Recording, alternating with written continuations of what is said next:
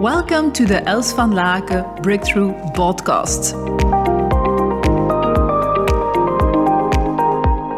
Hello, guys. I know it has taken me some time to explain a bit what's going on with me taking off that much time, but it took me also some time to yeah not to make this video because i couldn't make it the moment that i was uh, making all these kind of decisions and even if it's already i think I, I, I took some i took a break as from the 14th of december uh, last year so we are now the 11th of february. And um, i'm now in Fuerteventura. It's a very nice place and middle of the mountains a bit. More busy now because there's uh, french holidays but normally it's very quiet here on the beach. And I must say I'm now one yeah Monday I'll be here two weeks. And it was very tough to uh, to go away from home. Because as you see I'm here now alone without my two beautiful children with whom I've been passing through many adventures the last nine years. And they were always with me so it was uh, also a really tough moment where my children were crying, I was crying, and they were saying, "Why do you have to go away?" and and I tried to explain that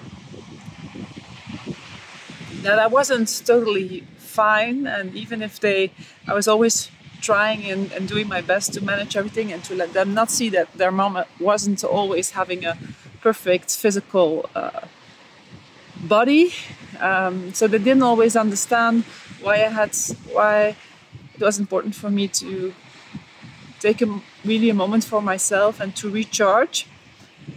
There was several moments during the last month that I could really notice that my brain wasn't functioning like it should function. Certain information that I am already giving training on for 10 years, sometimes were, it was just gone.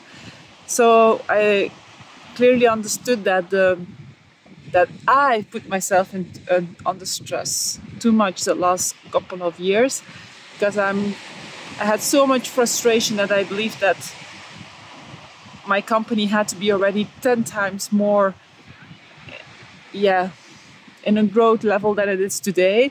So it frustrated me many times and I was the one putting myself into cortisol all the time. So and when you have allowed your body so much stress hormones, it can also start dysfunctioning. And when some people were telling me about an over aroused nervous system, I would have thought, yeah, is that really possible? Maybe take a massage or things like that. But now I can say it is something that can really happen. And um, as I said, it was kind of tough because yeah, you, I really had to choose for myself this time. And ten, it's been 10 years that I really do something for myself. And it feels very special. So I'm going to enjoy this journey of healing and health. So have an amazing day, and I hope it has inspired you again today. Thanks for your presence. Check out more inspiration on elsvanlaken.com and let's spread the positive energy together by sharing this podcast with your friends, family, and business partners.